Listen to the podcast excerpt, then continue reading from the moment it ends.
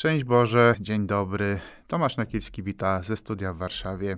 Jakiś czas temu w cyklu podcastów Pogadajmy o rozmawialiśmy o autorytetach. Tak trochę teoretycznie mówiliśmy, czym są, a również o ich wadze dla społeczeństwa, także w kontekście katolickiej nauki społecznej. Wspomniałem również e, o pewnym praktycznym odniesieniu. Otóż Katolickie Stowarzyszenie Civitas Christiana, jak mówiłem w tamtym podcaście, prowadzi działalność na rzecz promocji rzeczywistych autorytetów w różnych dziedzinach, ale z jednym wspólnym mianownikiem bycia świadkiem wartości chrześcijańskich i odniesienia swojej aktywności do społecznego wymiaru wiary. Takimi właśnie konkretnymi inicjatywami są przyznawane nagrody. Przypomnijmy je sobie. Nagroda imienia Włodzimierza Pietrzaka, księdza Domańskiego, Franciszka Karpińskiego, Michała Lęgowskiego, kardynała nominata Ignacego Jeża, czy wreszcie Juliusza Ligonia.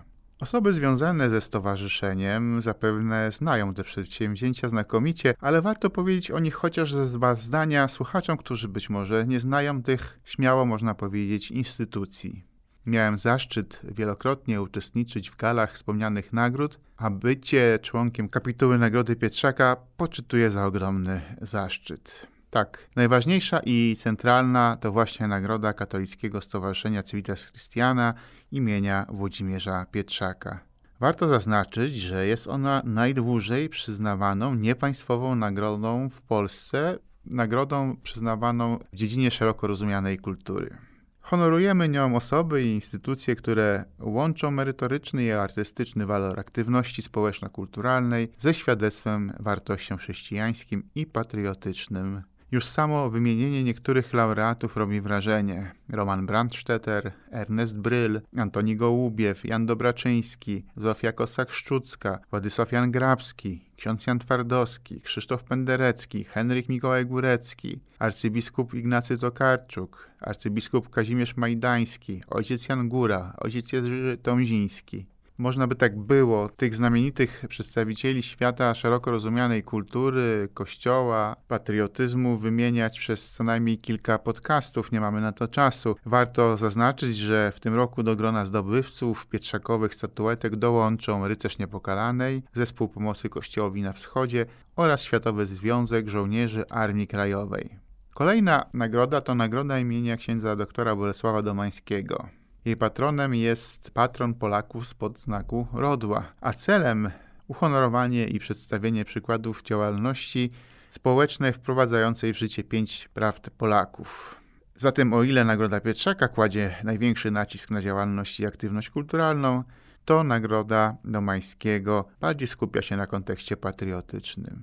A Nagroda Ogólnopolska Literacka imienia Franciszka Karpińskiego, no, jak mówi nazwa i patron koncentruje się przede wszystkim na aktywności literackiej. Jej celem bowiem jest przypominanie, że wartości chrześcijańskie są żywe także na polu literatury. Jest ona przyznawana nie tylko autorom, ale także osobom, organizacjom, instytucjom za wybitne osiągnięcia w badaniu i upowszechnianiu twórczości powstającej z inspiracji chrześcijańskiej. Kolejna nagroda, nagroda imienia Michała Lęgowskiego, z kolei ma na celu nagrodzić działalność na rzecz Warmii, Mazur i Powiśla w duchu idei jej patrona. Docenia ona działalność w wielu obszarach nauki, sztuki, kultury, edukacji, formacji, ale w takim odniesieniu regionalnym i podobnie rzecz się ma z nagrodą imienia Juliusza Ligonia. Ona już na trwałe wpisała się w pejzaż społeczno-kulturalny, powiedzmy historycznych granicach Śląska. W tej nagrodzie szczególnie mocno akcentuje się działanie na rzecz dobra wspólnego. Ostatnia z nagród to nagroda imienia kardynała nominata Ignacego Jeża, przyznawana za krzewienie ideałów i postaw będących świadectwem uniwersalnych wartości chrześcijańskich. Jest ona przyznawana wspólnie z biskupem koszalińsko-kołobrzeskim oraz y, Caritas diecezji koszalińsko-kołobrzeskiej za działalność na terenie aktywności patrona nagrody.